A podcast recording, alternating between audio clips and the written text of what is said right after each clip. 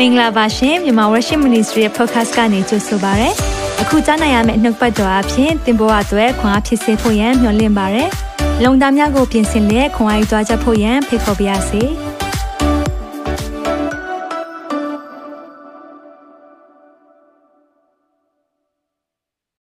မင်္ဂလာပါ good morning good afternoon good evening ပါလို့နှုတ်ဆက်ပါရနော်အားလုံးသတိရကြပါသလား အရန်သတိရပါတယ်တလားလုံးမတွေ့ရဘူးဆိုတော့เนาะကျွန်တော်တို့အာဒီနေ့ပြန်ပြီးတွေ့ရတဲ့အခါမှာဖခင်ရဲ့နာမတော့အထူးပဲချီးမွမ်းပါတယ်ဗုဒ္ဓဟူးနေ့အစီအစဉ်ရှိတယ်ဒီ Saturday အစီအစဉ်သိပါသလားအခုလာမယ့် Saturday နေ့ဗာနေ့ကြလဲသိလား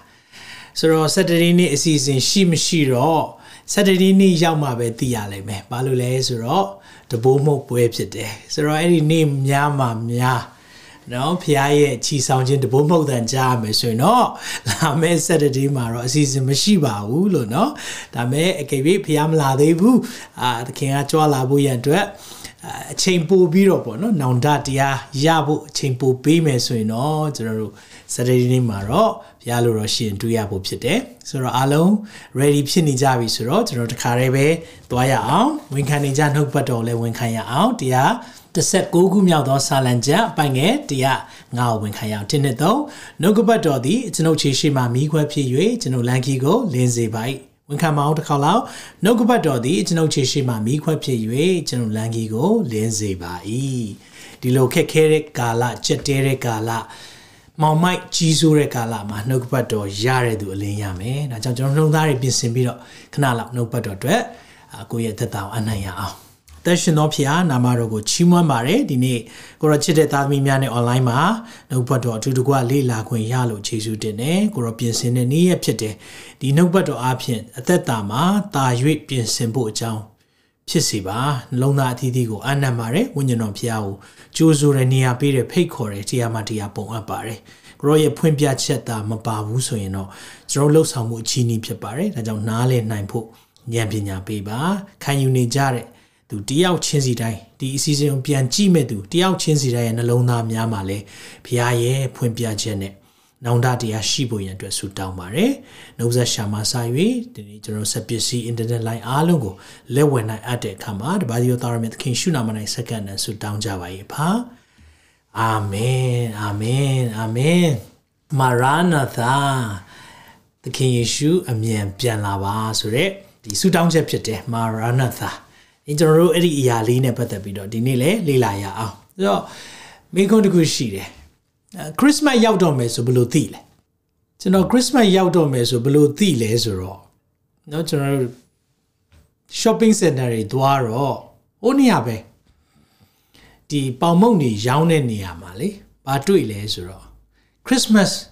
mince pie ဆိုပြီးတော့ရောင်းတာတွေ့တယ် Christmas မှာစားတဲ့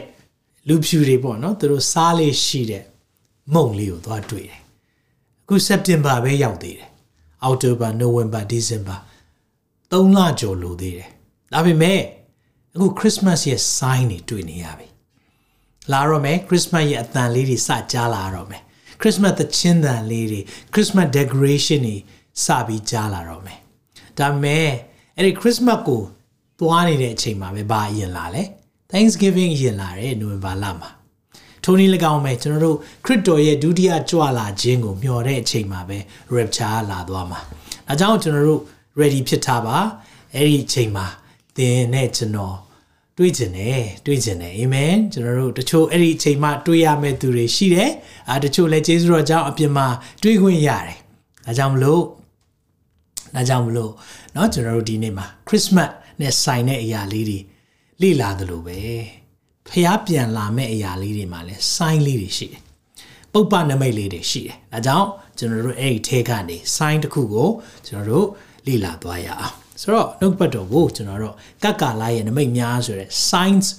of the time ဒီကက္ကာလမှာကျွန်တော်နမိတ်တွေပြတယ်ခေတ်ကာလရဲ့နမိတ်ကက္ကာလရဲ့နမိတ်ဒီအရာတွေကျွန်တော်တို့ကိုပြနေပြီအဲ့ဒီထဲက sign လေးတစ်ခုကဘာလဲဆိုရင်တော့ no it လက်ထက်ကဲ့သို့သော sign တွေပြတယ်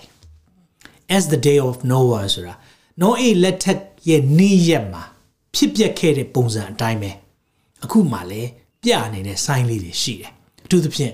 လူမှုအဖွဲ့အစည်းရဲ့ sign လေးတွေတွေ့ရတယ်။ဒါကြောင့်မလို့ခေတ်ကာလရဲ့နမိတ်တွေနဲ့ပတ်သက်ပြီးတော့ sign တွေအားလုံးကို group ပေါ့နော်အဖွဲလိုက်ဖွဲလိုက်မယ်ဆိုရင်ခုနှစ်ခုပဲရှိတယ်။အဲ့ဒီထဲမှာကျွန်တော်ဒီနေ့ နံပါတ်1ပေါ့နော်လူမှုအဖွဲ့အစည်းရဲ့နမိတ်လေးကိုပြောပြချင်တယ်ဆိုတော့လူမှုအဖွဲ့အစည်းရဲ့နမိတ်လေးတွေကဘာတွေဖြစ်နေလဲဒီအရာကိုကျွန်တော်တို့လေ့လာသွားရအောင်အခုပတ်ဝန်းကျင်ကိုကြည့်မယ်ဆိုရင်ဒါလူမှုအဖွဲ့အစည်းကဘာတွေလုပ်နေလဲလူတွေပေါ့နော်နောက်ဆုံးပြောမယ်ဆိုလူတွေအုပ်စုတွေဘာတွေလုပ်နေကြလဲဒီအရာနဲ့ကျွန်တော်တို့အများကြီးကျွန်တော်တို့ကို sign တွေပြနေပြီ ဆိုတော့အခုပတ်ဝန်းကျင်ကိုကြည့်တဲ့အခါမှာဟာဆရာကြီးစိတ်ပြက်လိုက်တာလူတွေကိုကြည့်တဲ့အခါစိတ်ပြက်လိုက်တာအဖွဲ့အစည်းတွေကိုကြည့်တဲ့အခါစိတ်ပြက်လိုက်တာသင်းတော်တွေကြည့်တဲ့အခါမှာစိတ်ပြက်လိုက်တာဂိုင်းကနာတွေကြည့်တဲ့အခါမှာစိတ်ပြက်လိုက်တာတချို့လာပြောတယ်အဲ့ဒါစိတ်မပြက်နဲ့ဘာကိုပြောနေတာလဲဆိုတော့ဒါကတ်ကာလာရဲ့နမိတ်တွေပြတာเนาะဒါကြောင့်ကျွန်တော်တို့ဒီနေ့ကတ်ကာလာရဲ့နမိတ်ထဲမှာမှာဒီလူမှုအဖွဲ့အစည်းရဲ့နမိတ်လေးတွေကိုလေ့လာရအောင်ရှင်မသဲ24ထဲမှာရှင်မသဲ24နဲ့25ကဒီနောက်ဆုံးသောကာလ ခင်ယေရှုကသူပြန်လာမဲ့အချိန်မှာဖြစ်မဲ့အရာတွေကိုပြောထားတာဖြစ်တယ်အဲ့ဒီထဲကနေကျွန်တော်တို့အငယ်36ကနေအာလေ့လာသွားမှာဖြစ်တယ်ဆိုတော့ဒီအရာကိုမာကုထဲမှာလည်းတွေ့ရတယ်လူကာထဲမှာလည်းတွေ့ရတယ်ဒီနေ့တော့လူကာထဲကအကြောင်းလို့ပြီးကြရင်ပြောမယ်ဒီနေ့တော့ကျွန်တော်တို့အခုတော့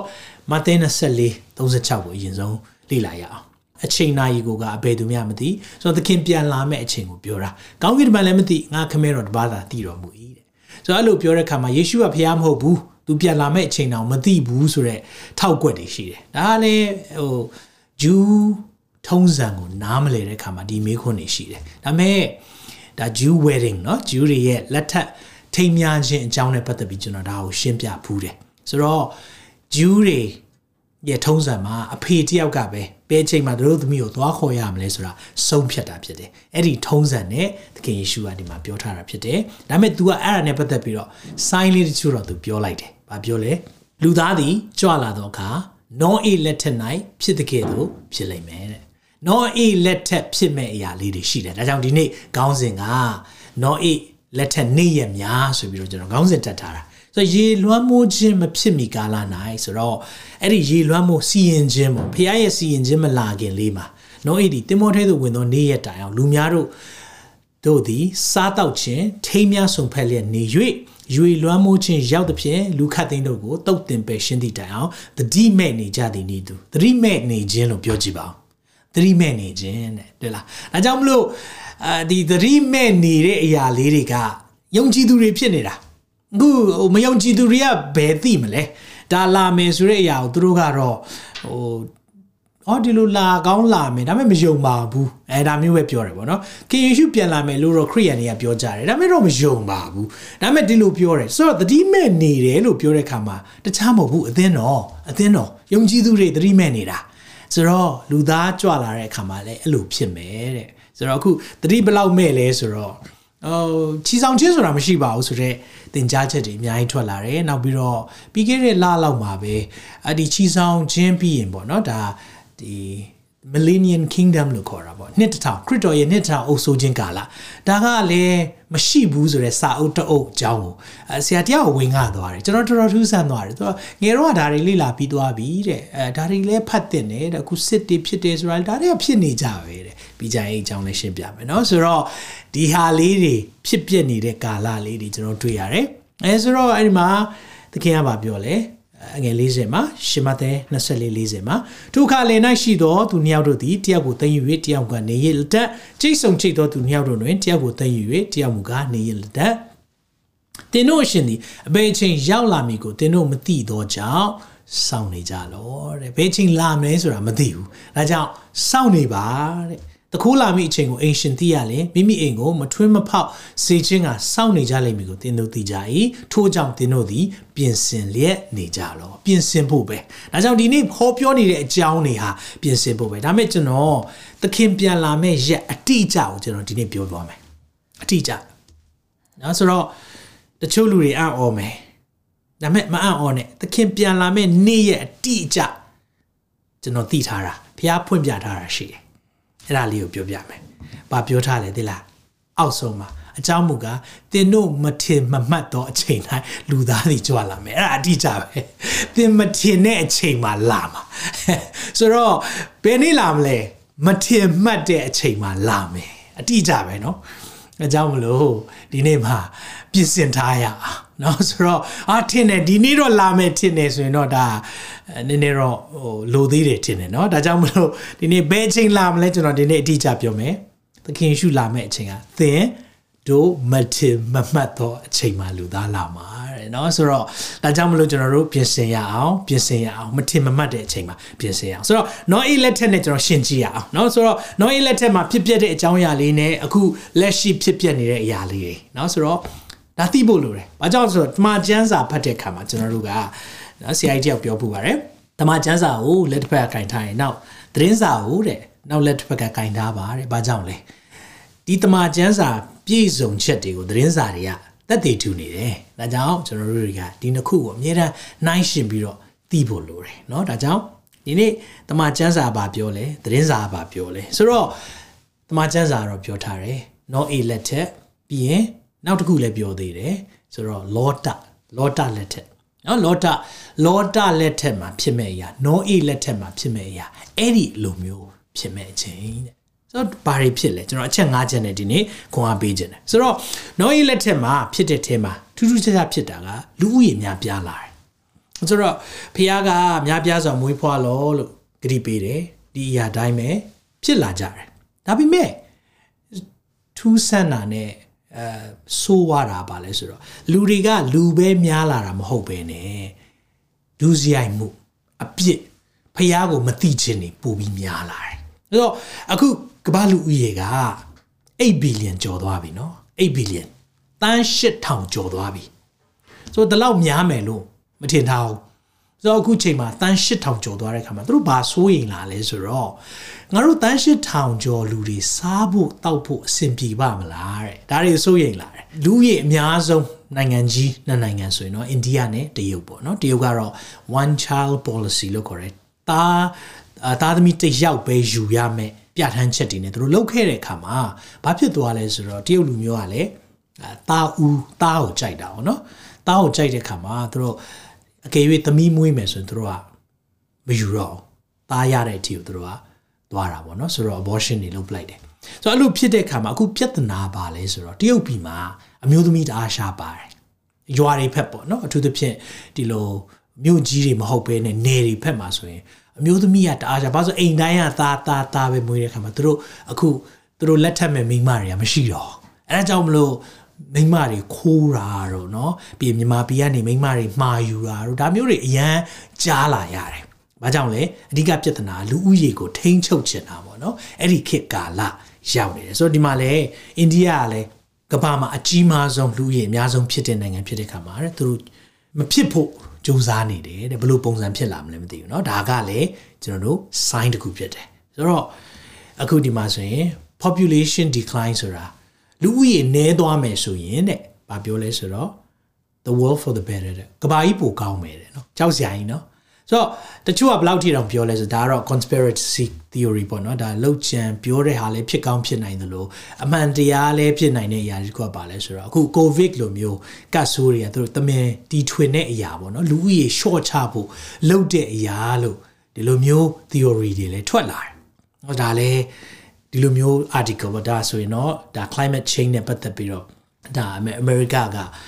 အာဒီလုတ်တဲ့ဟာတွေပေါ့နော်ဒီမှာပြောထားတဲ့ article တစ်ခုမှာဆိုရင်တော့ဟိုလူတွေကတဲ့အလုတ်အလုတ်အကင်ခွင့်လန်းပိုရဖို့က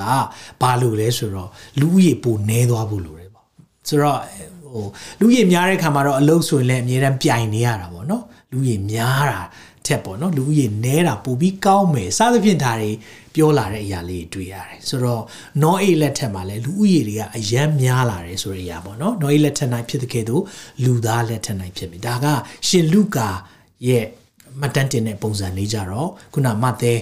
ကမှတ်တမ်းတင်တာလေးနဲ့ နည်းနည်းလေးကွာတယ်ဒါလေးကိုကျွန်တော်လေ့ကြရအောင်လူကာဆက်ခွန်ငယ်26မှာနောအေးလက်ထက်၌ဖြစ်တဲ့ကဲ့သို့လူသားလက်ထက်၌ဖြစ်လိမ့်မည်နောအေးသည်တင်မောတဲ့သို့ဝင်၍လူလွမ်းမိုးခြင်းဖြစ်သည်ဖြင့်လူခတ်သိန်းတို့ကိုတုတ်တင်ပယ်ရှင်းသည့်နေ့တိုင်အောင်လူများတို့သည်စားတောက်လျက်ထိမ်းများဆုံဖက်လျက်နေကြ၏ဆိုတော့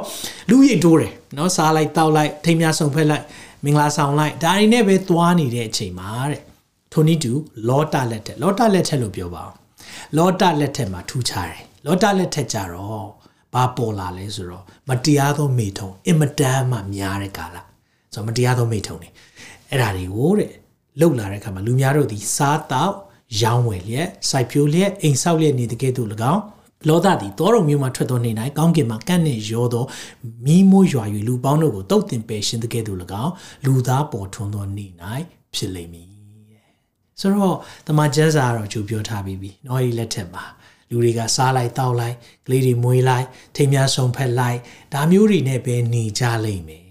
တဲ့ဒါကြောင့်အခုခေတ်ကာလပဲလူတွေကသူတို့အတွက်ကစားဝတ်နေရေးကအရေးကြီးတယ်လို့ပြီးရင်ပျော်ဖို့အပျော်ပေါ့နော်ဆိုတော့အသင်းတော်တွေမှာလည်းအပျော်ဟိုပျော်ရတဲ့အသင်းတော်တွေလူများလေးရှိတယ်အဲအောင်ဖို့ကောင်းတယ်ဆိုတော့လူမှုရေးကောင်းတာပေါ့အထူးသဖြင့်ဒါကတော့ဟိုအဲ့လိုပြောလို့ ဟိုပါလူများတဲ့အသင်းတော်တိုင်းမမှန်ဘူးပြောတာမဟုတ်ပါဘူးเนาะသူဖះရဲ့ဖះကိုဆာငတ်တဲ့သားသမီးတွေရှိတဲ့အသင်းတော်ကြီးတွေလည်းအများကြီးရှိပါတယ်ဒါပေမဲ့တော်တော်များများဒီဖက်အခုဒီမြန်မာတွေရှိတဲ့တတိယနိုင်ငံတွေအသင်းတော်တွေဆိုရင်တော့လူမှုရေးနဲ့တွားတာလူမျိုးရေးနဲ့တွားတာပုံများလေးရှိတယ်ဆိုတော့ဒါမျိုးပေါ့နော်လူတွေကပျော်ပါဖို့ဆိုရင်ပုံကြိုက်တယ်အဲ Bible study လာဖို့တဲ့ barbecue ဆိုရင်ပုံများတယ်။ဘာကြောင့်လဲ အပျော်ကြိုက်တယ်เนาะအစားတောက်ကြိုက်တယ်ဒါတွေလုပ်မယ်ဆိုရင်ဆိုတော့အသင်းတော် reality အတွက်ကိုပဲဟိုလာစီချင်တဲ့ခါမှာတော့ပွဲလန်းတဲ့ပင်အမြဲတမ်းလုပ်ပေးရတယ်အဲဆိုတော့ပွဲကြိုက်တာပေါ့နော်ဆိုတော့အဲ့ဒီအဲ့ဒီကာလတွေရောက်လာမယ်ဆိုတော့ဒါပဲဒီကာလပဲအကြောင်းကျွန်တော်တို့ဒီနံပါတ်1ဆင်ခြင်ဖို့ဟာလူကြီးများပြားလာခြင်းနဲ့လူတွေပျော်ပါခြင်းတွေခုံမင်လာခြင်းတွေဒီကာလဟာရောက်နေပြီဆိုတာကိုကျွန်တော်တို့သိဖို့ဖြစ်တယ်နံပါတ်2အချက်နောက်အေးလက်ထက်မှာဖြစ်တဲ့အရာနဲ့ အခုလက်ထက်မှာဖြစ်တာတူညီတဲ့အရာဘာလဲဆိုရင်တော့တမာတရားကိုညင်ပယ်လာတာဆိုတော့တမာတရားဆိုတဲ့အရာကတော့ကျွန်တော်တို့အခုတမာဂျန်စာဖီးယားရဲ့နှုတ်ပတ်တော်ဒီအရာတွေကိုမကြိုက်တော့လူတွေကမကြိုက်လာတော့ဘူးဘာတွေကိုကြိုက်လဲဒန်ဒါကြီးစကားတွေကြိုက်တယ်ပြီးရင်ဒီထဲကနေတချို့ယူထားတဲ့အရာလေးတွေပေါ့နော်ဆိုတော့တမာတရားလားဆိုရင်လည်းဟုတ်တယ်လို့လို့တော့ရှိတယ်ဒါပေမဲ့တကယ်တမ်းကျတော့လုံးစီပတ်စီမမှန်တဲ့တမာ ဟိုမပြည့်စုံတဲ့အဲ့လိုပြောရမှာပေါ့နော်မပြည့်စုံတဲ့တမာတရားတွေလဲလူတွေကပိုကြိုက်တာမျိုးတွေ့ရတယ်။ဒါတော့တမာတရားညင်းပယ်ခြင်းနဲ့ပတ်သက်ပြီးတော့ကျွန်တော်ဘာကိုတွေ့လာရလဲဆိုတော့အထူးသဖြင့်ဘာတွေ့လဲဆိုတော့အခုယောက်ျားလေးမိန်းကလေးဆိုတဲ့အရာကိုတော်တော်လေးပြောတယ်အမေရိကမှာအဲတော်ယုံတန်ယုံမေးလို့မရတဲ့မိခွန်းတစ်ခုရှိလာတယ်။အဲ့ဒါဘာလဲဆိုတော့အမျိုးသမီးဒါမှမဟုတ်ရင်မိန်းမဆိုတာဘာလဲဆိုတော့မိခွန်းမဖြေတတ်ကြတော့ အဲ့ဒါတမာတရားကိုညင်းတာပဲဘာကြောင့်လဲမိန်းမလို့ပြောရင်เนาะ woman ဆိုတာဘာလဲ what is a woman လို့ပြောရင်မဖြေနိုင်ဘူးသူတို့ဘာကြောင့်လဲဆိုတော့ယောက်ျားကမိန်းမဖြစ်ရင်လည်းရတဲ့ခေတ်မိန်းမကယောက်ျားဖြစ်ခြင်းလည်းရတဲ့ခေတ်ဘာကြောင့်တမန်တရားကိုဆန့်ကျင်တယ်လို့ပြောတာလဲဖះကတဲ့လူကိုသူ့ရဲ့တဒံသူ့ရဲ့ပုံတဒံနဲ့အညီ male and female အဖိုနဲ့အမဖန်ဆင်းထားတယ်ဒါပေမဲ့အဲ့ဒါကိုစန့်ကျင်ခြင်းတဲ့ခါကျတော့အခုကျတော့အော်ဒီအဖိုနဲ့အမနှစ်မျိုးပဲရှိတာမဟုတ်ဘူးတဲ့ကြိုက်တာရှိနိုင်တယ်အဲ့ဒီခေတ်ရောက်တာအဲ့ဒီခေတ်ဖြစ်နေတာဒါကြောင့်မလို့အခုဘာဘာပြဿနာပြဿနာဆိုတာတက်ပေါ့နော်ဒါသူတို့အနေနဲ့တော့သူတို့ကတိုးတက်လာတယ်လို့ပြောတာပေါ့ဆိုတော့အခုဒီမှာအပြေးသမားဒါယောက်ျားဒါပေမဲ့သူကယောက်ျားကမိန်းမပြိုင်ပွဲမှာသူကပြိုင်တာ ယောက်ျားမိန်းမပြိုင်ပွဲမှာပြိုင်မှတော့နိုင်မှာပေါ့နော်ဒါပေမဲ့ तू က तू မိန်းမလို့ခံယူတယ်တဲ့။ဘာကြောင့်မိန်းမလို့ခံယူတာလဲ။အို तू မိန်းမလို့မိန်းမလို့စိတ်ရှိတယ်။ဆိုတော့သူ့ရဲ့ခံစားချက်ကိုလူတွေကလက်ခံပေးရတယ်ခါလား။ဆိုတော့ तू ကကိုခန္ဓာအရာယောက်ျားလားယောက်ျားဟုတ်တယ်။ဆိုတော့အဲ့လိုပြိုင်ပွဲတွေဖြစ်လာတဲ့ခါကျတော့သူတို့တွေပဲနိုင်ပြီပေါ့။ရေကူးချန်ပီယံတယောက်လည်းအဲ့တိုင်းပဲ။ သူယောက်ျားလေးနဲ့ရေကူးတဲ့ခါမှာမနိုင်ဘူး။မနိုင်တော့ तू ကလည်းမိမစိတ်ဖြစ်တယ်မိမပါလို့ပြောပြီးတော့အမျိုးသမီးတွေရဲ့ရေကူးပြိုင်ပွဲမှာဝင်တော့နိုင်ပြီပေါ့ခွန်ခွန်အားချင်းกว่าတယ်လေနော်ယောက်ျားလေးနဲ့မိန်းကလေးကခွန်အားกว่าတယ်ဒါဖះဖန်ဆင်းထားတာအဲ့ဒါအဲ့ဒါတမာတရားကိုစန့်ကျင်တဲ့ကာလဆိုတာကိုပြောပြချင်တာဆိုတော့တမာတရားကိုတမာတရားလို့မမြင်တော့ဘူးဆိုတော့ဒါက liberal idea တွေတအားဝင်သွားပြီဆိုတော့လက်ခံလာတယ် ဟာဒါ तू तू อ่ะဟုတ်မယ် तू อ่ะဒါဒါမိမစိတ်ပေါက်နေတယ်ဆိုတော့မိမအဖြစ်လက်ခံပေးမယ်အမိမလိုဝတ်စားစင်မယ်မိမလိုပြင်ဆင်မယ်ဆိုရင်တော့ဒါမိမပဲသူ့မှာဘာအင်္ဂါရှိရှိမိမပဲအဲ့ဒီလက်ခံတဲ့ကအဲ့ဒါဘာလဲဆိုတော့တမာတရားကိုညှင်းပယ်တာဖြစ်တယ်အဲ့ဒီကာလရောက်လာပြီလားရောက်လာပြီရောက်လာပြီဒါကြောင့်မလို့အခုကာလဟာလောတာလက်ထက် နောအေးလက်ထက်ကဲ့သို့နေ့ရက်တွေဖြစ်လာပြီဆိုတာကိုအခုကျွန်တော်တို့ သတင်းကောင်းစင်တွေမှာတွေ့လာရတယ်ဆိုတော့ဒီမှာလဲဒါဩစတြေးလျဆိုတော့ तू ဟာကြည့်ပါအောင်အမျိုးသမီးပြိုင်ပွဲမှာ तू ဟာသွားပြိုင်တော့ခွန်အားကွာတယ်လीနော်သွားပြိုင်တော့မနိုင်မဲနေမလားနော်ဆိုတော့ဒါမျိုးတွေကိုအခုကအစိုးရတွေကလက်ခံတဲ့ခေတ်ကာလဖြစ်နေတာအဲ့ဒါဘာကိုပြလဲတမန်တရားအတိုင်းမရက်တည်တော့မဟုတ်ဘူးဒါကတော့မဖြစ်သင့်ဘူးမျိုးသမီးရမျိုးသမီးပဲပြိုင် ဘလို့စိတ်ပဲဖြစ်ဖြစ်သူကိုခန္ဓာအရာအမျိုးသမီးဖြစ်တယ်ဒါမှမဟုတ်သူကိုခန္ဓာအရာအမျိုးသားဖြစ်တယ်ဆိုရင်ဒီလိုပဲပြိုင်လို့မပြောတော့ဘူး။အော်သူတို့ကဒီလိုသတ်မှတ်ခံစားချက်ကိုအတီးပြုတ်ပေးရတဲ့ကာလဖြစ်သွားပြီ။ဒါမျိုးတွေတွေ့ရတယ်။ဒီမှာလဲကြည့်လိုက်ရင်အဲဒါလဲအလေရတယောက်ကတော့ယောက်ျားပေါ့။အမျိုးသမီးပြိုင်ပွဲမှာသွားပြိုင်တော့ရွှေစိတ်စုရတယ်။နော်ဆိုတော့လူတွေကတော့လက်ခုပ်တီးကြတယ်။အာချီကျူးကြတယ် အာဒါအရင်မျိုးသမီးပြည်သားတယ်တဲ့နော်ဆိုတော့ဒါတမာတရားကိုစန့်ကျင်တဲ့ခေတ်ကာလဖြစ်တယ်ဆိုတော့အဲ့ဒီခေတ်ကာလမှာဘာတွေတွေ့ရမလဲဆိုတော့တတိအခန်းကြီးလေး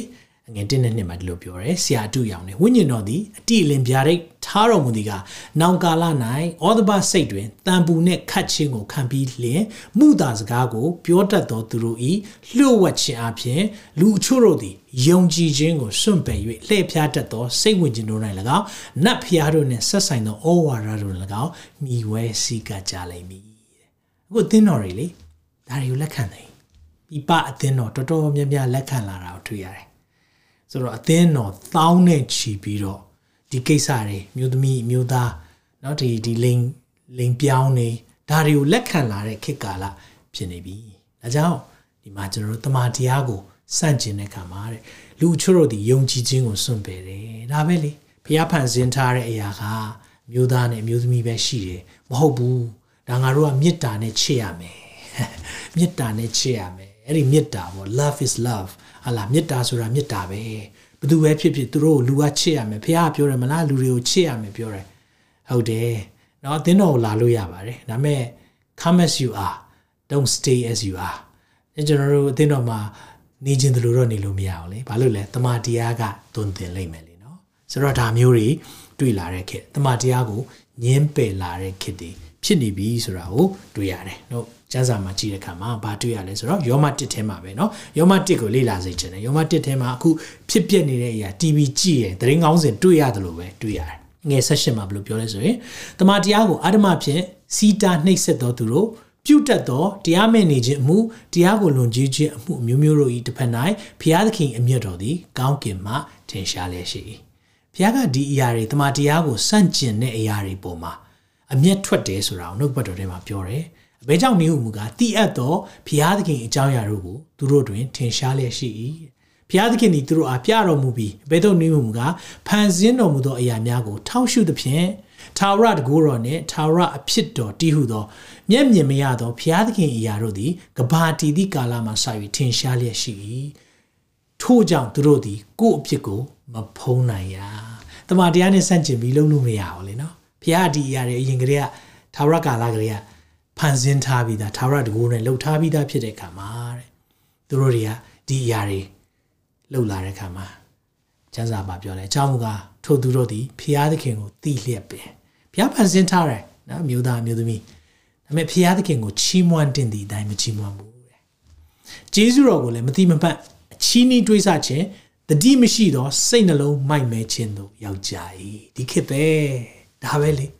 ကိုကြည်လိုက်တဲ့အခါမှာဖះကိုတိလားဆိုရင် ခရိယန်နိုင်ငံဖြစ်တော့တိတာပေါ့။အော်ဖះတိတယ်ကြားဘူးတယ်ဒါမှမဟုတ်ရင်အနည်းဆုံးတော့ဖိုးဖွားတော့ခရိယန်ဖြစ်ခဲ့မယ်။ဒါပေမဲ့အခုကတော့ချီးမွမ်းတဲ့နေ့တိုင်းလည်းမချီးမွမ်းတော့စိတ်နှလုံးတွေကအတွေးတွေးဆတဲ့အရာတွေအချီးနီးတွေးဆကုန်ပြီ။အဲ့ဒီကာလမှာရှိတယ်ဆိုရင်ဒါနောအေးလက်ထက်ကဲ့သို့ပဲ။ခရစ်တော်မပြန်လာခင်အချိန်မှာဖြစ်မဲ့အရာတွေဒီမှာပြောထားပြီးပြီ။နံပါတ်3ချက်သွားရအောင်။အဲ့ဒါဘာလဲဆိုတော့စိုးညစ်ခြင်းတွေပိုပြီးများပြားလာမယ် စိုးညစ်ခြင်းတွေဆိုတော့တခါမှအဲဒီလိုအရင်တော့က10နှစ်လောက်တော့တော့ဒါတွေမဖြစ်နိုင်ဘူးလို့ထင်တဲ့အရာတွေအခုကဖြစ်နေတယ်ဘာလဲဆိုတော့ကျွန်တော်ပြောပြချင်တယ်เนาะအခုမှကြည့်လိုက်ပါဆိုတော့ဒါကဘာလဲဆိုတော့ကလေးတွေရဲ့စာသင်ခန်းတွေမှာအခုဒီအချောက်တွေပေါ့နော်ဆိုတော့ယောက်ျားဟိုမှာမုတ်စိတ်မွေးတောင်အပြည့်ပဲရှိသေးတယ်ဒါပေမဲ့ तू က main ကလေးလိုဝတ်ထားတယ် main ကလေးလိုပဲ ပြင်ဆင်ထားတယ်အဲ့ဒါကိုဘာခေါ်လဲဆိုတော့ drag queen လို့ခေါ်တယ် drag queen တွေရဲ့ story time လို့ခေါ်တယ်ဆိုတော့အခုကကလေးတွေရဲ့ကြောင်းမှာဒါတွေကသူတို့တွေကပုံပြင်ဖတ်ပြတဲ့အချိန်ကာလတစ်ခုလေးကိုသတ်မှတ်ထားပြီးတော့သူတို့ကအကြီးကျယ်လှုပ်ရှားတယ်ဆိုတော့တင်သားသမီးတွေသူတို့နဲ့တွေ့ပါလိမ့်မယ်ဆိုတော့အဲ့ဒါဒီမိမာတဲ့လာပြီးတော့ဖတ်ပြတယ်ပြီးရင်သူတို့ သူတို့ပြောတဲ့အရာလေးတွေတချို့ဒါတွေကနည်းနည်းယဉ်ကျေးတဲ့ပုံတွေတချို့ပုံတွေဆိုကြည့်လို့မကောင်းကျုံကြည့်လို့မကောင်းကလေးတွေရှေ့မှာမသင့်တော်တဲ့အဝတ်စားတွေမသင့်တော်တဲ့ပုံစံတွေပြင်ဆင်ပြီးတော့ရှိနေကြပြီလုံးဝကိုဟိုညဉ့်ညမ်းမှုအဲ့ဒီအရာလေးတွေကိုဒါပုံမှန်ပါပဲကလေးတွေရဲ့ဒီဒီနုနယ်တဲ့တန့်ရှင်းတဲ့အတွေးခေါ်တွေထဲမှာဒါတွေကလက်ခံရမယ်ဒါတွေက ပုံမှန်ပဲဆိုတဲ့အရာကိုထည့်ပေးနေတာအဲ့ဒီကာလပဲလူတွေရဲ့စိုးညစ်စိုးညစ်ခြင်းတွေပို့ပြီးတော့များလာတယ်ပြီးရင်ဒီမှာလဲမိဘတွေကလည်းရှိပြီးတော့အားပေးနေကြတယ်တမန်တရားကိုမသိဘူးလေနော်တမန်တရားကိုမသိတဲ့ခါမှာအစ်စ်ကိုမသိတဲ့ခါမှာဒါတွေအတူရောင်နေလာတဲ့ခါမှာတော့အော်သူတို့တွေကလည်းဟာဒါတွေကလူမှုတွေကလက်ခံရမယ်ပုံမြင်နေပြောတဲ့ဟာကိုအကြီးကျယ်ထောက်ခံပြီးအားပေးနေတဲ့ခေတ်ကာလတွေပုံများလာတယ်ဒါတွေဒီခေတ် အဲ့ဒီခေတ်မှာသင်တဲ့ကျွန်တော်အသက်ရှင်နေရတာဆိုတော့ဒီပုဂ္ဂိုလ်ကအာ Matt Walsh လို့ခေါ်တယ်ဆိုတော့သူကဘာလုပ်လဲဆိုတော့ What is a woman ဆိုတဲ့ documentary ပေါ့နော်အဲ့ဒါကိုသူကထုတ်လုပ်တာပေါ့နော်ဆိုတော့အဲ့မှာသူလူတွေကိုလိုက်မေးတယ်အာ university က professor တွေလိုက်မေးတယ်လူအများကြီးကိုမေးတာပေါ့မိမဆိုတာဘာလဲမဖြေနိုင်ကြဘူးဘာလို့ဆိုတော့မသိတာမဟုတ်ဘူးမပြောချင်တာ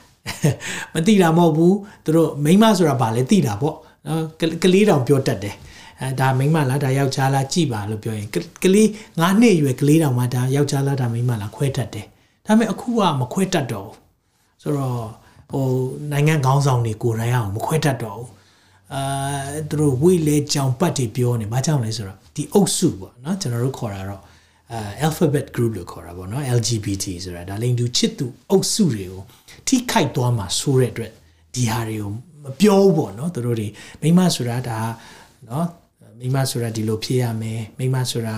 နော်ဒီလိုဖြစ်ရမယ်သားမွေးနိုင်ရမယ်သားသမီးမွေးနိုင်တာတအိမ်ရှိတာမိမအဲ့လိုမပြောတော့ဘာလို့လဲဆိုတော့အဲ့လိုပြောလိုက်ရင်ဒီအုပ်စုကိုသွားပြီးတော့ထိုးနှက်တာဖြစ်မယ်ဆိုတော့အခုကြည့်တဲ့အခါမှာ နော်အေးလက်ထက်လောတာလက်ထက်အထူးသဖြင့်လောတာလက်ထက်မှာသောတုံနဲ့ဂေါမောရာကိုဖျားဖျက်ဆီးတဲ့အရာအတိကအကြောင်းရင်းကလင်ကိစ္စညဉ့်ညမ်းခြင်းအရန်များလို့ဖြစ်တယ်ဆိုတော့အဲ့ဒီကာလရဲ့အခုအထွတ်ထိပ်ကိုရောက်လာပြီအခုကြည့်တဲ့အခါမှာလွန်ခဲ့တဲ့10နှစ်တုန်းက TV မှာမပြသင့်တဲ့နေရာတွေအခုကပြလာပြီလွန်ခဲ့တဲ့10နှစ်တုန်းကမပြောသင့်တဲ့အသုံးနှုန်းတွေ TV မှာအခုကဖောဖောတီတီကိုသုံးလာပြီဆိုတော့အခုကျွန်တော်တို့သားသမီးတွေကနော် TV တွေကြည့်မယ်ဖုန်းတွေကြည့်မယ်ဆိုရင်သူတို့ရဲ့ဒီနုနယ်တဲ့နှလုံးသားတွေသူတို့ရဲ့အတွေးခေါ်တွေထဲမှာဒီပုံရိပ်တွေဒီစကလုံးတွေကိုပုံမှန်လိုပဲထည့်ပေးနေပြီစာတန်အရန်လှုပ်လှုပ်နေတယ်တော့မိမိအချိန်ကုန်ဆုံးမယ်တည်တဲ့ခါမှာတစ်ချိန်တိုးလာတယ်ဆိုတော့ဒီကာလမှာတင်းနဲ့ကျွန်တော်တမာတရားကိုသိဖို့လိုတယ်ပြင်ဆင်ထားဖို့လိုတယ်ကာကွယ်ထားဖို့လိုတယ်စုတောင်းဖို့လိုတယ်မိသားစုအတွက်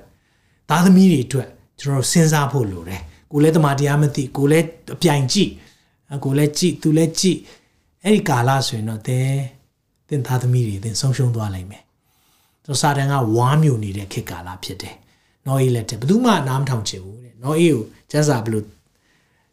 မှတ်တမ်းတင်လဲဆိုတော့ preacher of righteousness တဲ့။ဖြောင့်မတ်ခြင်းတရားအကြောင်းကိုဟောတော်သူတဲ့။ဆိုတော့ဒီအကြောင်းတွေကိုကျွန်တော်တို့ကကြိုက်ဖို့လိုတယ်။ဖြောင့်မတ်ခြင်းတရားအကြောင်းဟောရင်ခုချိန်နားမခံနိုင်ဘူး။ နားအရန်ရတော့ဒီလိုနှုတ်ကပတ်တော်ကြားတဲ့ခါကျရင်အာဒါကြီးကတော့အရန်ကို extreme ဖြစ်တယ်အရန်ပြင်းထန်လွန်းတယ်အရန်ကိုဒါကဟိုနားမနားမထောင်သင့်တဲ့အရာတွေအမှန်တော့တမန်တရားဟောတာဒါပေမဲ့အထဲမှာရှိတဲ့အပြစ်တရားပေါ်လာတာ哦เนาะပေါ်ပြတယ်လို့ဖြစ်တဲ့ခါမှာကျတော့မပျော်ဘူးနားထောင်ရတာဒီလိုခေတ်ကာလရောက်လာပြီအဲ့ဒီခေတ်ကာလထဲမှာသင်တဲ့ကျွန်တော်အသက်ရှင်နေရရင်ဆိုရင်တီးလိုက်ပါ နော်အေးလက်ထက်ကဲသူပဲဖြစ်နေပြီဆိုတော့ဒီမှာဘလို့ဖြစ်လာလဲဆိုတော့အခုပညာတတ်တယ်เนาะတအားကို professor တွေပညာတွေ PhD တွေ၃၄ခုယူတဲ့သူတွေတောင်မှမိမဆိုတာဘာလဲဆိုတော့မိခုမဖြေနိုင်ကျမ်းစာအဲ့ဒါကိုကြိုပြောလားပြောတယ်ယောမ1:20မှာပညာရှိ ရောင်ဆောင်လျက်နဲ့တဲ့ဆိုအင်္ဂလိပ်လို့ဆိုရင်ပညာဒီအများကြီးတော့နော်ဟို claim to be wise ဆိုတာပညာအများကြီးတတ်တယ်လို့ပြောလာပြီးတော့တဲ့ လူမအရာ၌တည်ကြတယ်မပြောနိုင်ဘူးအဲ့ဒါကိုပြောတာပညာတွေအများကြီးတတ်တယ်လို့ပညာရှိရောင်ဆောင်လျက်နဲ့လူမအရာ၌တည်ကြသည်ဖြစ်၍မဖောက်ပြန်မပျက်စီးနိုင်တော့ဘုရားသခင်ဂုဏ်တော်ကိုပယ်လျက်တွေ့လားဖောက်ပြန်ပျက်စီးတတ်သောလူဤယုတ်တုတန်းသားသားငှက်အစရှိသောတွားသားတတ်သောတရိษံယုတ်တုကိုဘုရားသခင်အရာ၌ချီးမြှောက်ကြ၏ဝမ်းနေဖို့သိကောင်းတယ်အခု လူရဲ့ယုတ်တုတွေ့လားခုနအဲ့ဓာတွေပေါ့တရိษံရဲ့ယုတ်တုဒါတွေကိုပဲကိုးကွယ်လူကကိုးကွယ်ခြင်းစိတ်အရင်ရှိတယ်လေနော်လူကလူကိုဘုရားဖန်ဆင်းထားကြရကိုကိုးကွယ်ဖို့နှလုံးသားထည့်ထားပေးတယ်အဲကြောင့်ငါမှတပါအခြားသောဖះမကိုးကွယ်နဲ့လို့ပြောတဲ့ခါမှာဖះကသူ့ကိုပဲကိုးကွယ်စေခြင်းတယ်ဆိုပြီးတော့အတ္တတခုကြီးတယ်ဖះမဟုတ်ဘူးလူကဖះကိုမကိုးကွယ်ရင်လည်းတခြားဟာကိုးကွယ်တယ်ပစ္စည်းတွေကိုးကွယ်မယ်အဲတခြားအရာပေါ့လူလက်နဲ့လုပ်တဲ့အရာတွေကိုးကွယ်မယ် ဒါကြောင့်ဖះကသိတယ်အဲ့ဒါတွေကဖះမဟုတ်တဲ့ခါမှာသူ့ကိုပဲကိုးကွယ်ပါလို့ပြည့်ညက်ပထမဆုံးပြည့်ညက်ငါမှတပါခြားသောဖះကိုမကိုးကွယ်နဲ့ပေးတာဒါကြောင့်ဒီနေ့ကိုးကွယ်ခြင်းနေဖះရမှာတခြားရတယ်ကိုချီးမြှောက်ကြတယ်တဲ့ထို့ကြောင့်သင်တို့သည်မိမိတို့ကိုယ်ကာယ၏အသေးကိုအချင်းချင်းရှုံချမိကြောင်းဝေါဒီမှာပဲပြောတာကိုယ်ကာယရဲ့အသေးကိုအရှင်အချင်းချင်းရှုံချဖို့တဲ့ဖះသခင်သည်သူတို့ သူတို့ကို သူတို့ဤကိလေသာစိတ်ညစ်ညူးခြင်းလက်သို့အပ်လိုက်တော်မူ၏အရင်တော့တော့ဘုရားကတော့နိုးစော်ပါလိမ့်မယ်နှလုံးသားထဲမှာဒါမမှန်ဘူးဒါမမှန်ဘူးနော်ဒါမလုံးနဲ့ဒါမဲ့လှုပ်ဖန်များလာများလာတဲ့ခါမှာနောက်ဆုံးကြတော့ဘုရားကလည်းဟုတ်ပြီဒီလောက်တောင်လှုပ်ချင်နေတယ်ဆိုရင်လှုပ်ကွာအဲ့ဒါကိုပြောတာဒီလောက်တောင်မှလိန်စိတ်တွေကကြွနေတယ်ဆိုရင်ကဲလှုပ်တော့အိမ်မှာ ကိလေသာညဉ့်ညူးခြင်းလက်ကိုအပ်ပေးလိုက်တယ်ဒါကြောင့်သူတို့အခုပေါ်တင်ပဲအရန်ကိုပေါ်ပေါ်တင်တင်ကိုလှုပ်လာတဲ့ကာလဖြစ်လာတယ်သင်တို့သည်မှန်သောဖျားသခင်အရာ၌အမှားကိုထားလျက်ဖန်ဆင်းတတ်သောသခင်ကိုပယ်၍ဖန်ဆင်းအပ်သောအရာကိုဝိပုကိုးကွယ်တော်သူဖြစ်ကြ၏ထိုသခင်သည်သာရမင်္ဂလာရှိစေတော်မူ၏အာမင်အာမင်ဒါကြောင့်ဒီဖန်ဆင်းကိုးကွယ်တဲ့အရာတွေလူလက်နဲ့လုပ်တဲ့အရာတွေဆိုရင်တော့သင်ကိုးကွယ်ခြင်းမမှန်ဘူးဒါမှမဟုတ်သင် idea ပေါ့နော် ဘာမှမကိုးကွယ်ဘူးဒါပေမဲ့ဘာမှလည်းမယုံဘူးဖျားမရှိဘူးဒါလည်း ideology ပေါ့ကိုယ့်ရဲ့အတွေးခေါ်တစ်ခုကိုကိုးကွယ်နေတာလည်းဖြစ်တယ်တော့အဲ့ဒီထဲမှာပါတဲ့သူတွေကိုဘုရားကိလေသာလက်အပ်လိုက်တယ်တဲ့ဆိုတော့စိုးနေတဲ့သူပိုဆိုးသွားတယ်တရားကိုတွေ့ရတယ်နံပါတ်၄ချက်မတရားတော့ဒါနဲ့ဆက်ဆက်ပြီးတော့နံပါတ်၄ချက်ကပါလဲဆိုတော့မတရားတော့မေထုံ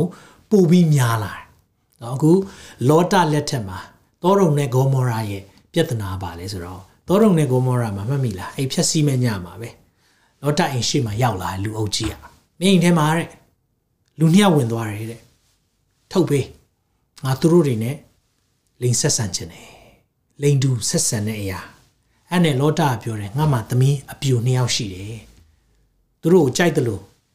အခွင့်ပေးပါတယ်မဟုတ်ဘူးတဲ့ခုနဝင်သွားတဲ့နှစ်ယောက်တဲ့ကောင်းကင်တမန်နှစ်ယောက်ကိုလေတောင်းတာ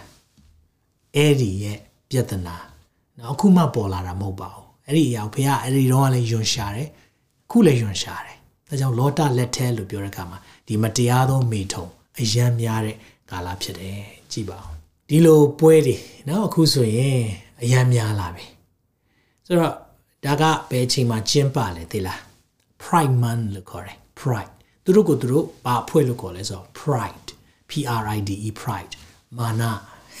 မာနအုပ်စုလို့ခေါ်တယ်မာနလဆိုတာလည်းရှိတယ်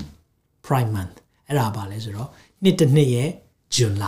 တစ်လပိုင်းနှစ်လပိုင်းသုံးလပိုင်းလေးလပိုင်းငါးလပိုင်း6လနံပါတ်မှာပါလဲ6ကနန်းလူရဲ့နံပါတ် pride ဆိုတော့ဒါပဲဆိုတော့ဒီပွဲတွေကိုကျင်းပါတယ်ပိုဆိုးတာကတမာတရားကိုသိတယ်တမာတရားမှာရက်တည်တယ်ဆိုတဲ့နိုင်ငံရဲ့ သမရကိုယ်တိုင်အားကိုကျင်းပပေးတယ်ဒါအိမ်ဖြူတော်မှာဒီနှစ်မှာကျင်းကျင်းပပေးတဲ့ပွဲဖြစ်တယ်ဖះအမျက်တော်ဘယ်လောက်ရှိမလဲဖះရဲ့ဖះကိုပေါ်ပေါ်ထင်ထင်ကိုစန့်ကျင်တဲ့အရာဖြစ်သွားပြီလုံးဝကိုဖះမလိုတော့ဘူးငါတို့ဟာစီးပွားရေးကောင်းတဲ့နိုင်ငံဖြစ်တယ်ငါတို့ဟာစစ်အင်အားတောင်းတဲ့နိုင်ငံဖြစ်တယ်ငါတို့ဟာစွမ်းဆရှိတဲ့နိုင်ငံဖြစ်တယ်ဖះကိုပေါ်တင်ဆန့်ကျင်တဲ့အရာတွေ အခုတွေ့ရတယ်ဝမ်းနေဖို့သိကောင်းတယ်ဒါကြောင့်အမေရိကဒီထက်ကျစစ်မယ်ဆိုရင်မအံ့ဩပါနဲ့။ဘာကြောင့်လဲဖះချီးမြှောက်ခဲ့တယ်ဒါပေမဲ့ဖះကိုကြောခိုင်းခဲ့တဲ့သူတိုင်းเนาะကျွန်တော်စံစာထဲမှာကြည့်တဲ့အခါမှာဘီရင်နေဖះကိုကြောခိုင်းခဲ့တဲ့ဘီရင်နေမင်းနေအားလုံးဟာကြာရှုံးခြင်းပဲတွေ့ရတယ်။အဲကြောင့်မလို့အမေရိကဟာကြာရှုံးမယ်ခဏခဏကျွန်တော်ပြောတဲ့အရာတခြားမဟုတ်ဘူးဒီအရာတွေကြောင့်ဖြစ်တယ်။ဒါတွေ2015မှာစတာဖြစ်တယ်။ နော်ကျွန်တော်တို့အရန် popular ဖြစ်တဲ့သမ္မတအိုဘားမားအဲ့ဒီလက်ထက်မှာလိန်တူချစ်သူတွေကိုတရားဝင်လက်ထပ်ခွင့်ပေးလိုက်တာနော်ဆိုတော့အဲ့ဒီညမှာဆိုရင်2015မှာအိမ်ဖြူတော်ကိုနော်သူတို့ lighting ပေါ့ဒီလိုဘာခေါ်လဲဆိုတော့တက်တန့်ပေါ့နော်တက်တန့်ဆိုတော့အဲ့ဒီအရာလေးနော်အရန်ထူးဆန်းတဲ့အရာလေးဖြစ်တယ်ဆိုတော့တက်တန့်ဆိုတော့အခုယောမတစ်ထဲမှာဗာပြောလဲ ငယ်26မှာထို့သူပြုကြသောကြောင့်ဘုရားသခင်သည်သူတို့ကိုရှက်ကြောက်ဖွယ်သောကိလေသာလက်သို့အလိုက်တော်မူ၏တဲ့အခုသူတို့ကိုအလိုက်ပြီးဘယ်သို့နည်းဟုကမိမတို့သည်ပဂတိထုံးစံကိုဆွံ့၍ပဂတိနှင့်ဆန့်ကျင်ဘက်ထုံးစံကိုလိုက်ကြ၏မိမတွေကတော့ပဂတိထုံးစံဆိုရင်တော့အမျိုးသားနဲ့ပေါ့ဒါပေမဲ့ပဂတိထုံးစံကိုဆန့်ကျင်ပြီအဲ့ဒါလိန်တူကိုပြောတာဖြစ်တယ် ထို့အတူယောက်ျားတို့သည်လည်းမိန်းမနှင့်ဆက်ဆံခြင်းပဂတိထုံးစံကိုစွန့်၍အချင်းချင်းကိလေသာစိတ်ပူလောင်သဖြင့်ရှက်ကြောက်ဖွယ်သောအမှုကိုယောက်ျားချင်းပြုလျက်မိမိတို့မှားယွင်းခြင်းနှင့်အလျောက်မိမိတို့အပြစ်ဒဏ်ကိုခံရကြ၏လာတော့မယ်ဒါဒီပဲအခုအများကြီးတွေ့လာပြီအော်ဘူးကောင်းတာအသင်းတော်တွေကလက်ခံတယ်အခုအသင်းတော်တွေလို့ပြောတဲ့ဂိုင်းကနတွေကလက်ခံတယ်နော်ဒါကြောင့်လည်းဂိုင်းကနတချို့ကွဲသွားတာဒီဒီရက်ပိုင်းမှာအများကြီးတွေ့ရတယ် အဲ့လိုဖြစ်တဲ့အခါမှာတဲ့ဖះဘာပြောလဲဆိုတော့ထိုသူတို့သည်ဖះသခင်ကိုမတိမမတ်လို့သည်ဖြစ်၍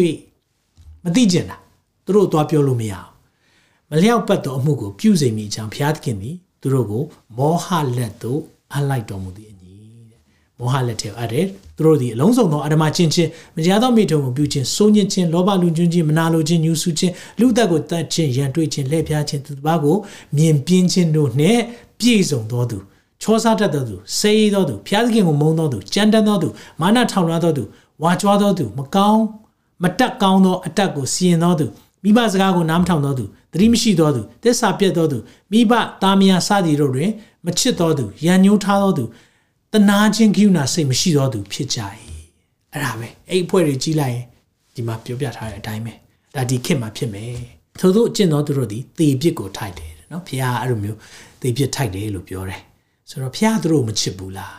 ချစ်တယ်လေချစ်လို့ပဲလဝကတိုင်းမှာသူတို့အဖြစ်တွေကိုအသေးခံခဲ့ပြီးပြီဒါမဲ့သူတို့ကိလို့သားထဲမှာပဲနေခြင်းနဲ့နောင်တမရခြင်းဘူးဖခင်ရဲ့ကယ်တင်ခြင်းကိုညှင်းပယ်တယ်ဒါမျိုးတွေဖြစ်တဲ့အခါမှာဖျားသခင်စီရင်တော်မူသောကြောင့်သူတို့သည်တီးလျက်ပင်ကိုယ်တိုင်ကျင့်နေတာမကထိုတို့ကျင့်သောသူတို့၌အာရဝမ်းမြောက်ကြ၏ခုနသမရပေါ့ကိုယ်တိုင်ကျင့်တာမဟုတ်သူများကျင့်တာတော့လှုပ်ပေးလိုက်သေးတယ် prime man เนาะဒါတွေကိုမြင်တွေ့နေရတဲ့ခေတ်ကာလဖြစ်တယ်နောက်ဆုံးချက်သွားရအောင်ဒီနေ့ကျွန်တော်တို့ဒီအကြောင်းအရာတွေကြားတဲ့အခါမှာတချို့ကမကြိုက်ဘူးဒီတို့နောက်ဆုံးသောကာလရဲ့နေ့ရက်တွေကိုပြောလာရင်အမြဲတမ်းကြားတာအဲ့လောင်ပြောင်တဲ့သူများတယ်။နောယေကပြောတယ်တင်မောထဲဝင်မှာတင်မောထဲဝင်စီရင်ချင်းလာတော့မယ်ရေမိုးရွာမယ်မိုးဆိုတာပါလေ ခါမကြဘူးအဲ့ဒီတော့မိုးဆိုတာမရှိဘူးအောက်ကစမ်းရည်တွင်းထွက်တယ်လို့ပဲပြောတယ်မိုးမရွာဘူးမိုးမရွာဘူးတဲ့အခါမှာမိုးပါလေနော်နော်အေးမင်းပြောတော့မိုးရွာမယ်ဆိုတာမိုးဆိုတာပြသက်သိဘလို့ပြလို့ရမှာလဲမိုးမှမရွာဘူးလားအဲ့ချိန်မှာဆိုတော့လှောင်ပြောင်တယ်လှောင်ပြောင်တာပေါ့ဘလောက်တောင်လှောင်ပြောင်ခံရမလဲနှစ်ပေါင်း100ကျော်နော်ဘုရားလေနှစ်ပေါင်း100ကျော်အချိန်ပေးတယ်ဒါမဲ့ လှောင်ပြောင်တာပေါ့မိုးရွာမယ်ပြောတယ်အယူတင်မောဆောက်တာစိတ်ကမ်းမှမဆောက်တောင်ပေါ်မှာဆောက်တယ်ဘလောက်တောင်လှောင်ပြောင်မလဲဒါမဲ့မိတ်ဆွေချီဆောင်ခြင်းလာမယ်ဆိုလည်းအဲ့ဒီအတိုင်းပဲချီဆောင်ခြင်းလာဘူးလားဘယ်မှာလဲလောင်ပြောင်တာဆိုတော့တင်ကိုနိုင်ကကိုကျန်းစာပြည့်စုံတဲ့သူမဖြစ်ပါစေနဲ့နော်။လောင်ပြောင်ခြင်းနဲ့ပြည့်စုံတဲ့သူမဖြစ်ပါစေနဲ့။ဖခင်ရဲ့နေ့ရက်တည်တားနေနေပြီ။ဒါကြောင့်လို့လေ ဒီနေ့သတိပေးခြင်းကျွန်တော်တို့ကကင်းဆောင်ဖြစ်တဲ့အခါမှာကင်းဆောင်တာဝန်တော့ကြည်ရမယ်။လုပ်ရမယ်။အဲကြောင့်မိသားစုမှာသင်ကင်းဆောင်ဖို့လိုတယ်။သင်သင်တော်မှာသင်ကင်းဆောင်ဖို့လိုတယ်။ဒီဟာတွေပြောနေရမယ်အဲ့ဒီလောင်ပြောင်တဲ့သူတွေများလာမယ်တဲ့နှစ်ပေ3ခန်းကြီး3မှာဘယ်လိုပြောလဲရှေးဥစွာတိမှတ်သောအရာမှာနောက်ဆုံးသောကာလ၌ဘယ်လိုပလာမလဲပြည့်ရပြုတ်တတ်သောသူတို့သည်မိမိတို့တတ်မှတ်ခြင်းတိုင်းကျင့်နေ၍ ဘုရားသခင်ကြွလာမည်ဟုသောဂရိတော်သည်အဘယ်မှာရှိသနည်းတဲ့ rapture ပမာလဲ rapture မရှိဘူးဘုရားချီဆောင်ခြင်းပမာလဲမရှိဘူးထာဝရကာလနော်ဒီနှစ်ထောင်အုပ်စုခြင်းမရှိဘူးဒီစာအုပ်ဖတ်ကြည့်ဘိုးဘေးများအိပ်ပျော်သည်နောက်ခတ်သိမ်းသောအရာတို့သည်ဖန်ဆင်းကားဆစစ်ဆိုတာဖြစ်နေကြပဲငလင်ဆိုတာလည်းလှုပ်နေတာပဲအဲ့လိုကိုထွက်တာနော်အဟောဘူးကောင်းတယ်အဲ့ဒါပဲလေကဲ့ရဲ့ခြင်းတွေကပေါ်လာမယ်တဲ့ကျွန်တော်အဲ့ဒါတွေတွေးတဲ့ခါမှာအ စတော့အဟောတာပေါ့နော်ဟာဘလို့ဖြစ်တာလဲအပြောတယ်အော်ဒါတွေကကျွန်တော်ငယ်တော့အကုန်လုံး dispensationalism တွေလေ့လာပြီးသွားပြီတဲ့ဆိုတော့အော်ဒါတွေကငါတို့သိပြီးပြီဒေးဗစ်ကမြတ်အခုမှပြောတာငါတို့တွေကဒါဒါဒါပေါင်းများစွာလေ့လာပြီးသွားပြီဆိုစစ်ဆိုတာတော့ခဏခဏဖြစ်တာပဲအကြည်လွမ်းမှုတာခဏခဏဖြစ်တာပဲအဲ့ဒါလေအိတ်ချမ်းပိုက်ပြည်စုံဖို့ဘုရားပြောတယ်ပြည်ပြည်စုံတာတွေ့လား တတိမဲ့နေတာတတိမဲ့နေတာတခြားမဟုတ်ဘူးအမှုတော်ဆောင်ဆိုတဲ့ပုံကိုယ်တွေဖြစ်နေတာဝန်းနေဖို့ကောင်းတယ်ဆိုတော့ဆရာဝန်တယောက်ကတော့ဆေးထိုးမရင်တော့လူတယောက်ပဲသိမှာပေါ့မှုတော်ဆောင်တယောက်ဆေးထိုးမရတော့အတွေးလိုက်သိမှာဝန်းနေဖို့ကောင်းတယ်ဒါကြောင့်ကျွန်တော်တို့ပြည့်ရည်တဲ့သူတွေပေါ်လာမယ်ဒီလိုတွေပေါ်လာတဲ့ခါမှာနားလည်လိုက်ပါတမန်ကျမ်းစာပြည့်စုံတယ်ဆိုတော့ဖះဘာလို့လာမခေါ်သေးတာလဲဒီမှာဖြေပါတယ် ကြောင့်ငယ်ရှင်းနေကိုမှာဘယ်လိုပြောလဲဆိုတော့ချစ်သူတို့သာရဖျားမှာကာလသည်အနှစ်တစ်ထောင်ကဲ့သို့၎င်းအနှစ်တစ်ထောင်သည်တရက်ကဲ့သို့၎င်းဖြစ်သည့်အရာကိုမမေ့လျော့ကြနဲ့လူချို့တို့သည်နေခြင်းကိုမှတ်သည့်အတိုင်းသာရဖျားသည်ဂတိတော်အရာ၌နေတော်မူမူတယ်ဖျား၏ဂတိတော်ဘာလို့နှေးတာလဲအမြန်ပြန်လာစေခြင်းနဲ့ဖျားအောင်အဲ့မှာဗာပြောလဲ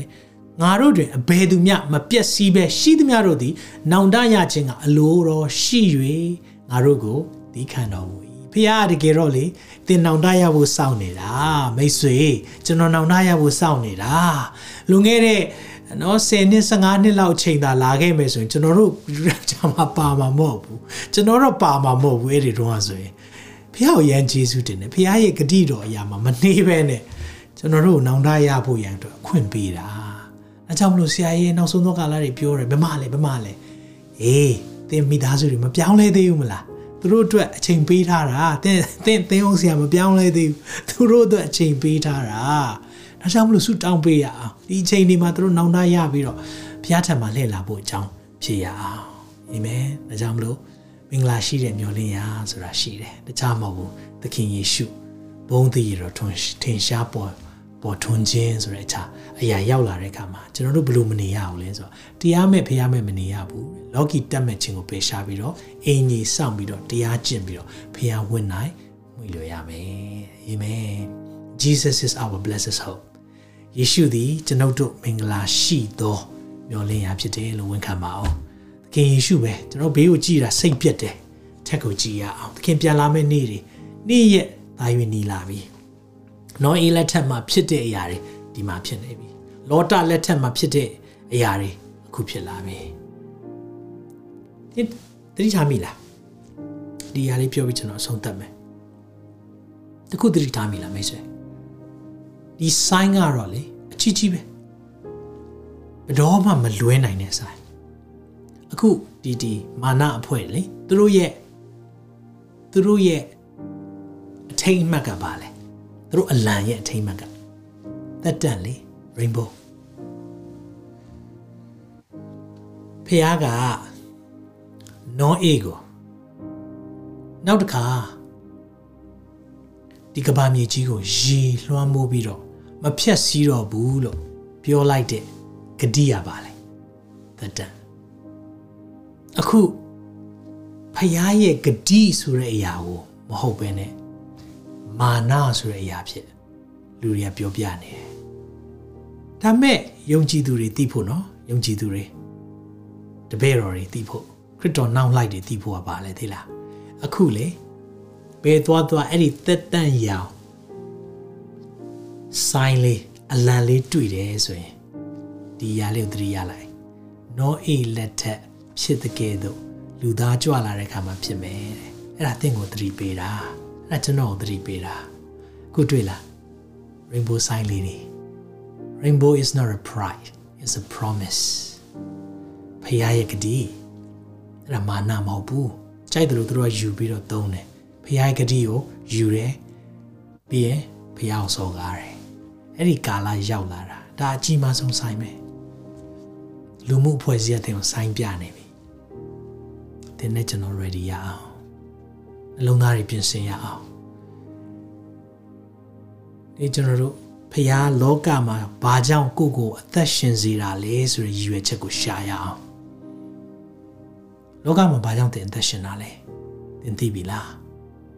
ဒီဖះကလေတင်ကိုလောကမှာထားတာရည်ရွယ်ချက်ရှိတယ်သူဘုံထင်ရှားဖို့မိကွန်းက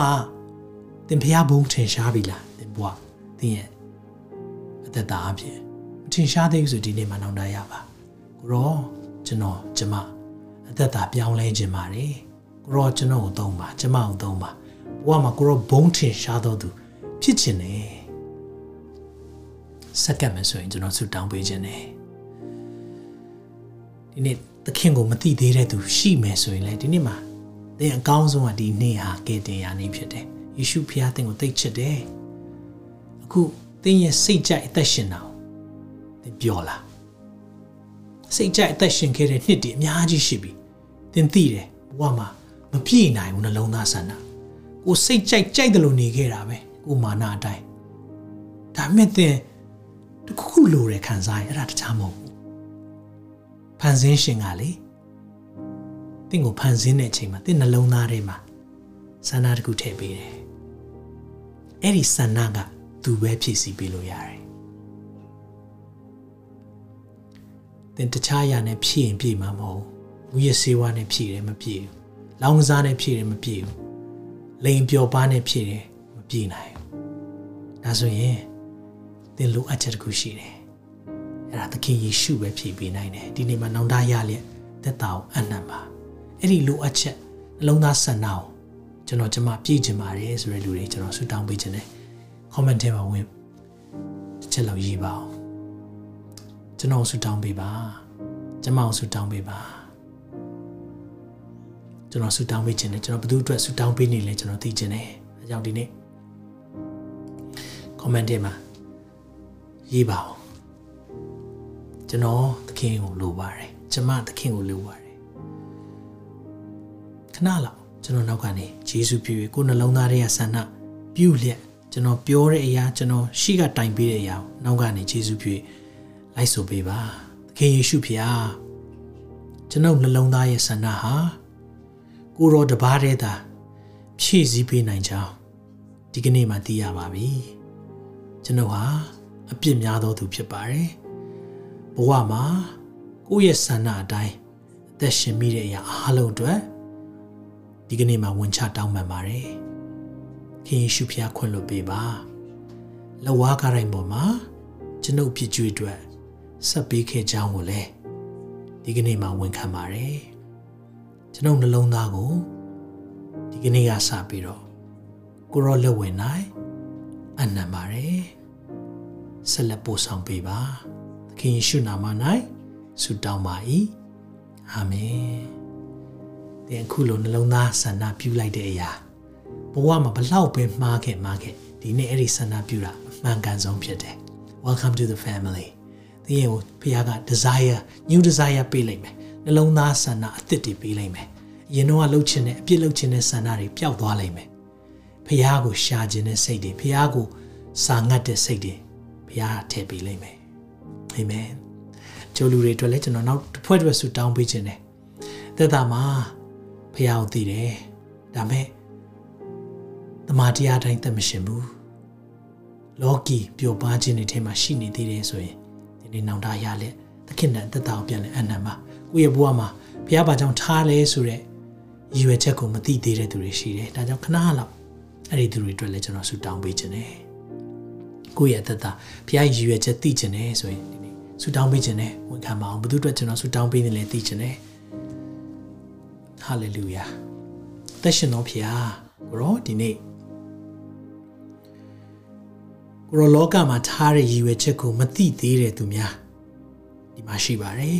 သူတို့နှလုံးသားဆန္ဒရှိပါတယ်ကိုရောဘုံတော်ထင်ရှားဖို့သူတို့ရဲ့အသက်တာကိုကိုရောအသုံးပြုဖို့ရန်အနှံ့ခြင်းတော်သူများရှိပါတယ်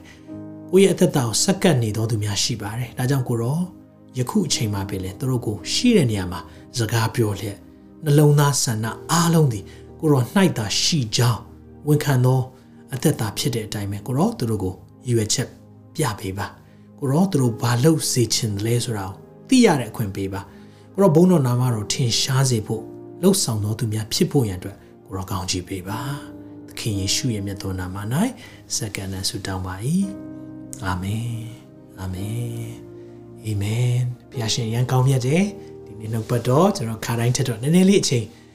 ပူသွားတယ်အားလုံးပဲကိုယ့်ရဲ့သက်တာကိုပြင်ဆင်လျက်သခင်ပြန်လာမယ့်နေ့ယူနေ့ရက်ကိုအမြဲတမ်း ဆောင်မြော်တော်သူများဖြစ်ဖို့ဘုရားရှင်ထူကောင်းကြီးပေးပါစေကျွန်တော်ဆုတောင်းကောင်းကြီးပေးပြီးတော့ဒီစီစဉ်ကိုဆုံးသက်တော်မှာဖြစ်တယ်ထာဝရဘုရားသည်သင်ကိုကောင်းချီးပေး၍ဆောင်မတော်မူပါစေသောထာဝရဘုရားသည်သင်၌မျက်နာတော်အလင်းကိုလွှတ်၍ကိယူနာကျေးဇူးပြုတော်မူပါစေသောထာဝရဘုရားသည်သင်ကိုမျှော်ကြည့်၍ချမ်းသာပြီးတော်မူပါစေသောလူတွေမပေးနိုင်တဲ့ချမ်းသာခြင်းတွေညီသက်ခြင်းနဲ့ ဝမ်းမြောက်ခြင်းကောင်းကြီးမင်္ဂလာများတင်နဲ့တင်မိသားစုပေါ်မှာတက်ရောက်ပါစေလို့ယေရှုနာမ၌ဆုတောင်းကောင်းချီးပေးပါရယ်ဘုရားလိုတော်ရှိရင်နောက်ထုတ်လွှင့်ချက်မှာပြန်လည်ဆုံတွေ့ပါအောင်မယ်အားလုံးပဲ God bless you all တင်ခုလိုနာဆင်ခွန်အားနိုင်ခြင်းဟာမြန်မာ Worship Ministry ကိုလာဆင်ပန်ပိုးနေကြတဲ့ Kingdom Partners များအကြောင်းဖြစ်ပါတယ်။ဖျားခင်နိုင်ငံတော်ကျယ်ပြန့်ရေးအတွက်လာဆင်ပေးကမ်းပောင်းဖို့ရန်ဖိတ်ခေါ်လိုပါတယ်ရှင်။